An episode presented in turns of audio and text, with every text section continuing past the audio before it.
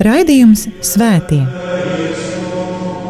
Katrā laikmetā ir dzīvojuši daudz svētie, un katrai paudzei tie ir un paliek kā dzīvās ticības liecinieki. Mocekļi, apliecinātāji, vīri un sievas, jaunieši un bērni. Svētie ir tik dažādi, gluži kā mēs, bet ir kāda īpašība, kura visus svētos vieno. Viņi mīlēja, mīlēja Dievu un cilvēkus. Raidījums par svētījumiem ir stāstījums par Dieva mīlestības reālo klātbūtni mūsu dzīvē. Santa Trinitas unos Deus, miserere Santa Maria,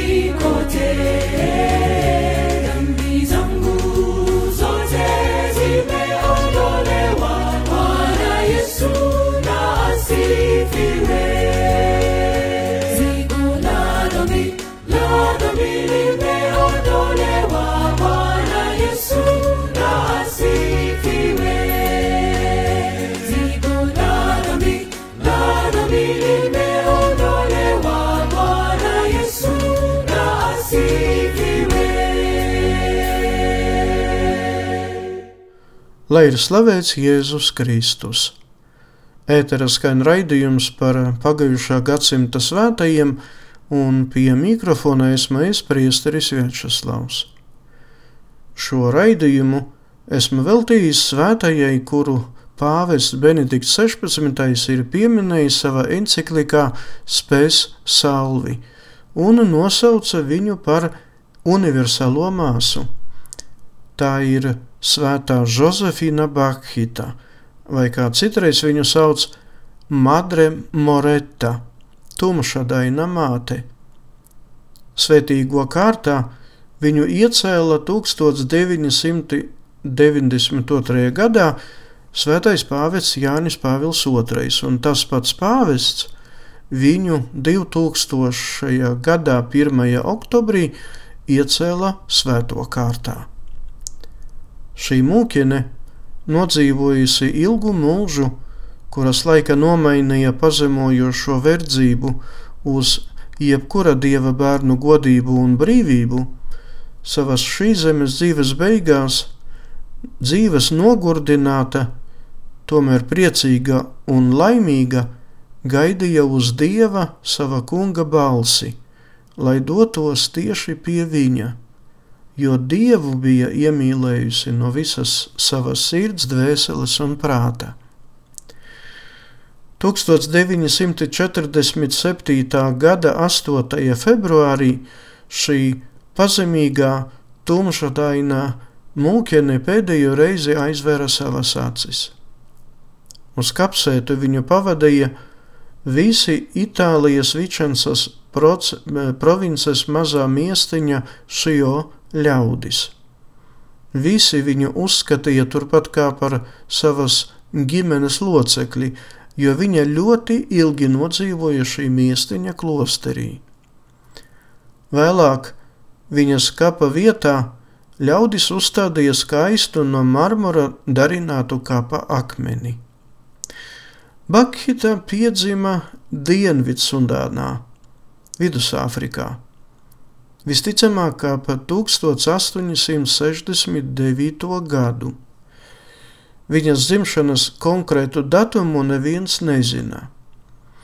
Arābu vergu tirgotāji izzaga viņu, kad viņai bija tikai deviņi gadi, dienā, kurā viņa bija devusies strādāt laukos. Toreizējā Āfrikā vergu tirdzniecība plauka. Bahitai Bahita zināja, ko tas nozīmē nokļūt vergu tirgotāju rokās, jo arī vienu no viņas māsām šie ļaundari bija arī izzaguši. Kad viņai pavēlēja nosaukt savu vārdu, viņa nobijusies klusēja. Un viens no arābiem smiedamies pateica, ka jā, tā, tad viņas vārds ir Bakhita laimīgā. Nosauktā par laimīgo, viņa laimīga nebija. Viņa sirdi pildīja gan nedrošība, gan bailes, gan skumjas. Nedaudz mēlāk Bakita kopā ar vēl vienu savu bēdu māsu mēģināja izbēgt no vergturiem, un tas izdevās, un viņas paslēpās mežā. Diemžēl tur arī nepalaimējās, jo viņam uzbruka lauva. Abas uzrāpās kādā kokā, uz kura nosēdēja līdz lauva bija aizgājusi meklēt mēdījumu kur citur. Diemžēl pavisam drīz viņas iekrita citu vergu tirgotāju lamatās, un tie aizveda viņus uz vergu tirgu Eļobeidā. Bahitas līdzgaitniece tika pārdota, bet pašu Bakhitu vergu tirgotājs atdeva savai meitai par kalponi. Jāsaka, ka šajā savas verdzības pirmajā vietā mazajai Bakhitai negaja slikti. Bakhita bija godīga, maiga, uzmanīga, un ar to viņa iepatikās visiem. Tomēr gadījās, ka Bakhita pavisam nejauši bija saplēsusi kādu ļoti dārgu vāzi. Par to viņu sasita un tika nolemts viņu pārdot citam saimniekam. Par nākamo Bakhitas saimnieku kļuva kāds turgu, of, turku oficieris, kuram bija liela ģimene. Šīs ģimenes sievietes ļoti bieži pat bez jebkāda iemesla sita viņu ar žagariem un pletniem, pat lika izdedzināt tetuvējumu uz Bakhitas ādas, jo nu, tāda toreiz valdīja mode.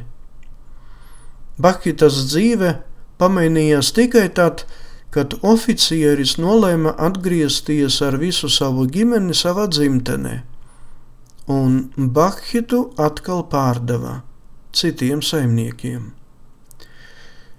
Šoreiz Bakitu iegādājās Itālijas vicekonsuls. Viņš bija patiešām labs cilvēks un pieņēma Bakhitu nevis kā verdzeni, bet gan kā savu meitu.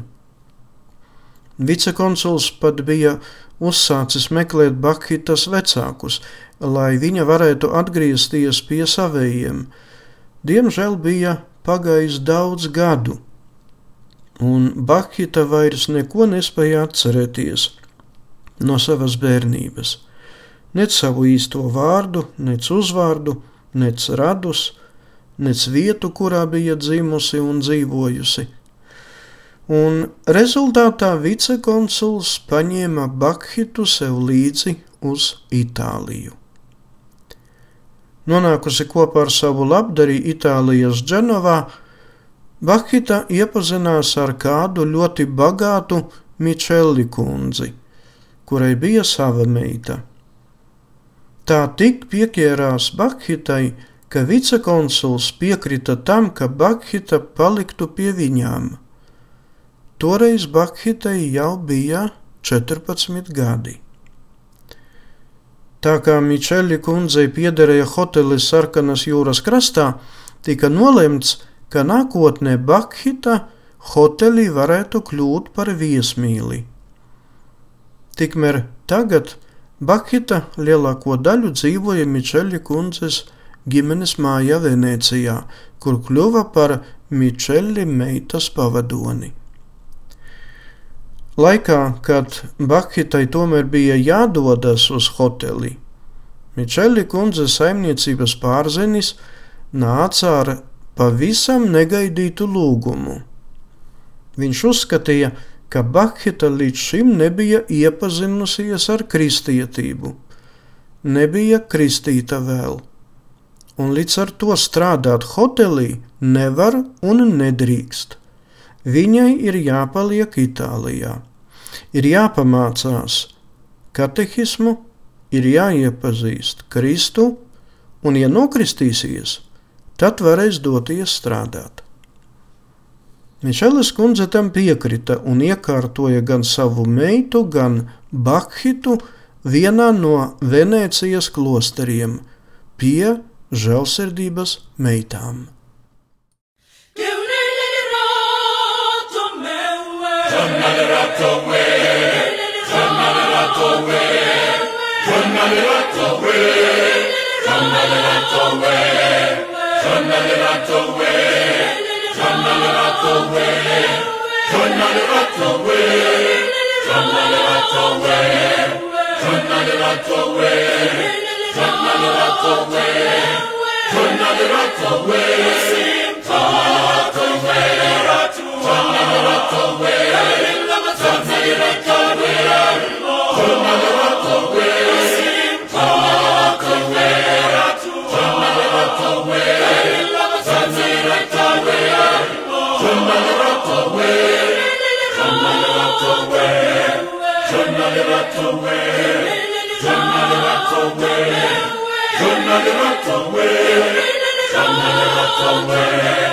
Turn the light away. Somewhere.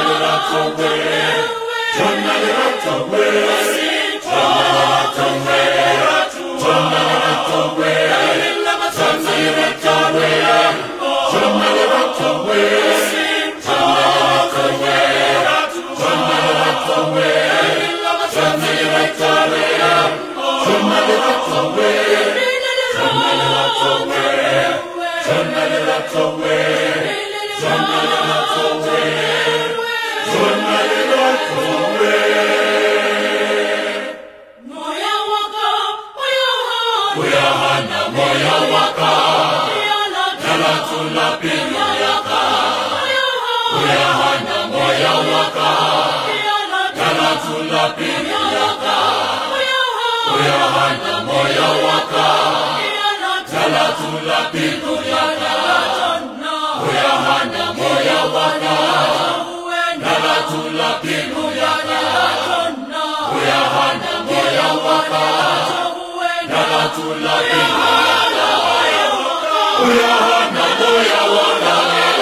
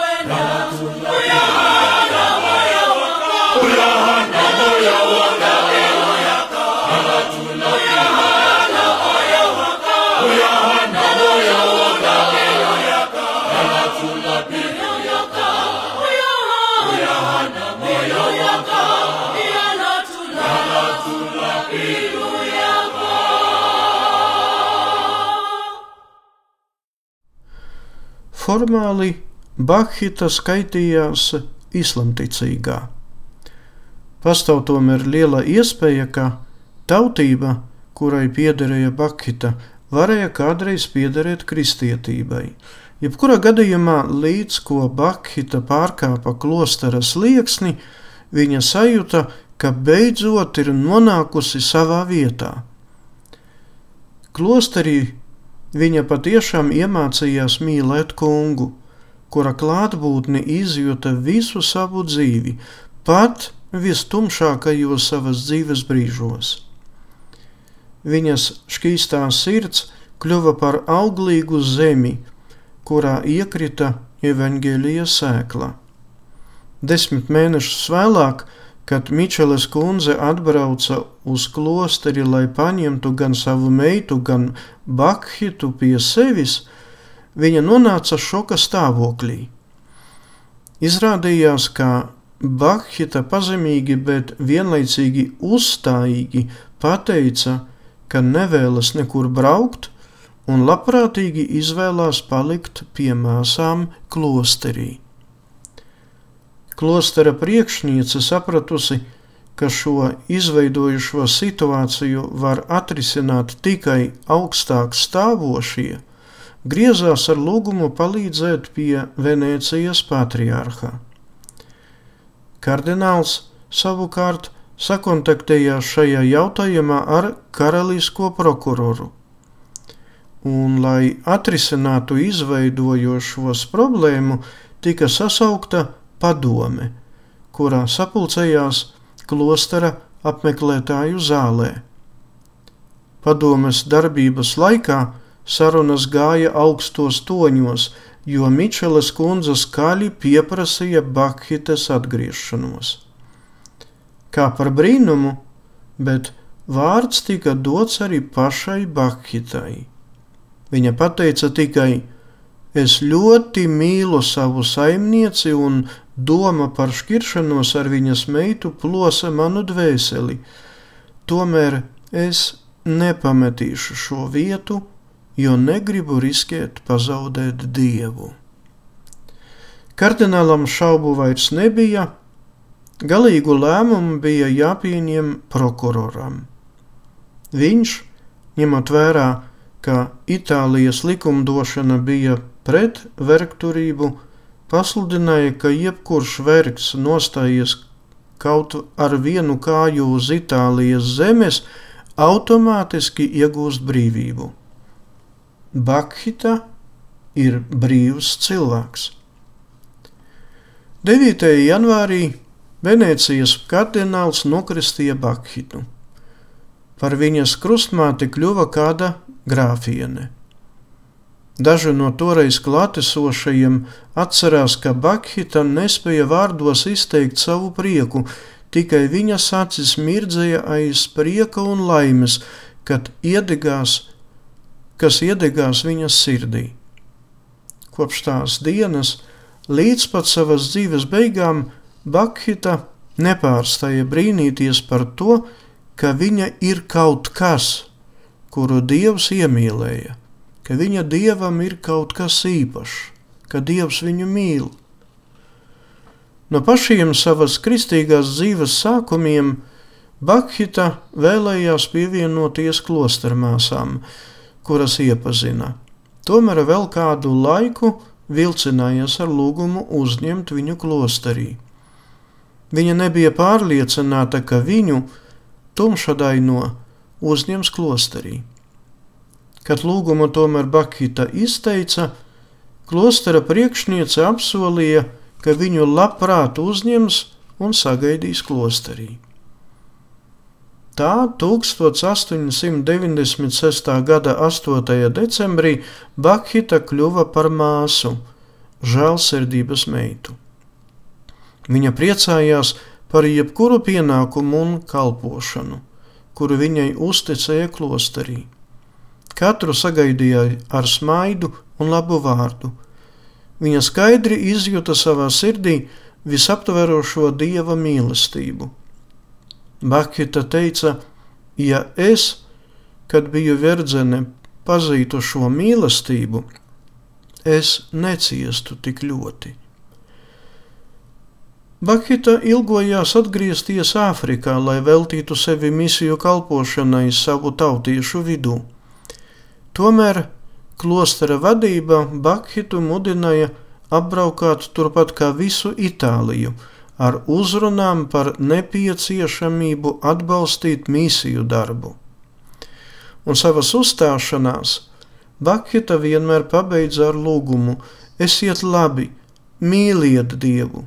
lūdzieties par pagāniem. Un Bakhitu daudzi vēlējās paklausīties. Daži vēlāk sniedza liecības, ka kaut arī varēja likties, ka šie ceļojumi un uzstāšanās sagādāja prieku tikai Bakhitai, sirdī viņa tomēr izjuta lēnu moceklību. Viņa deva no sevis ko spēja, zinot, ka tieši tā viņa apliecināja savu paklausību un tā viņa nes palīdzību savai mīļajai Āfrikai. Šajā klosterī Vakita sākotnēji bija par pavāri, pēc tam par veļas mazgātāju, vēlāk par māsu dežuranti, zakristijas kalpotāju, šūvēju. Viņa draudzējās ar nabadzīgiem, cietējiem, atstumtajiem, atstātajiem. Cilvēki stāstīja pat par brīnumiem, kurus Bakhita darīja. Bērnus, kuri dažreiz baidījās no Bakhitas viņas tumšas ādas dēļ, viņas spēja mierināt, apmīļot.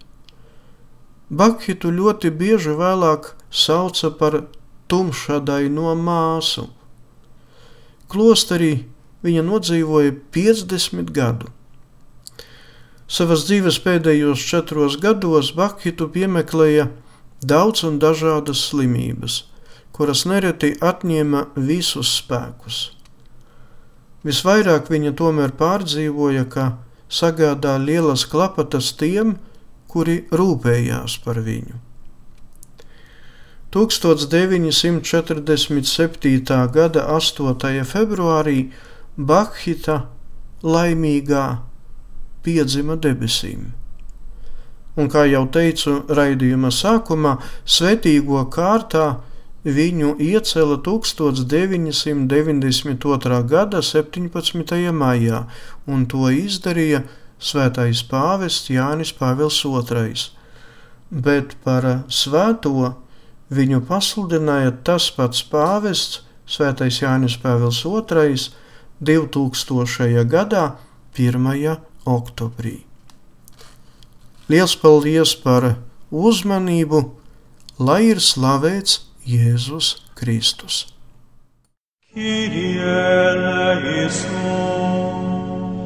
Raidījums Svētie. Katrā laikmetā ir dzīvojuši daudz svētie, un katrai paudzei tie ir un paliek kā dzīvās ticības liecinieki. Mocekļi, apliecinātāji, vīri un sievas, jaunieši un bērni. Svētie ir tik dažādi, gluži kā mēs, bet ir kāda īpašība, kura visus svētos vieno. Viņi mīlēja, mīlēja Dievu un cilvēkus. Raidījums par svētījumiem ir stāstījums par Dieva mīlestības reālo klātbūtni mūsu dzīvē. Santa Trinitas unos Deus Miserere Domini, Santa Maria,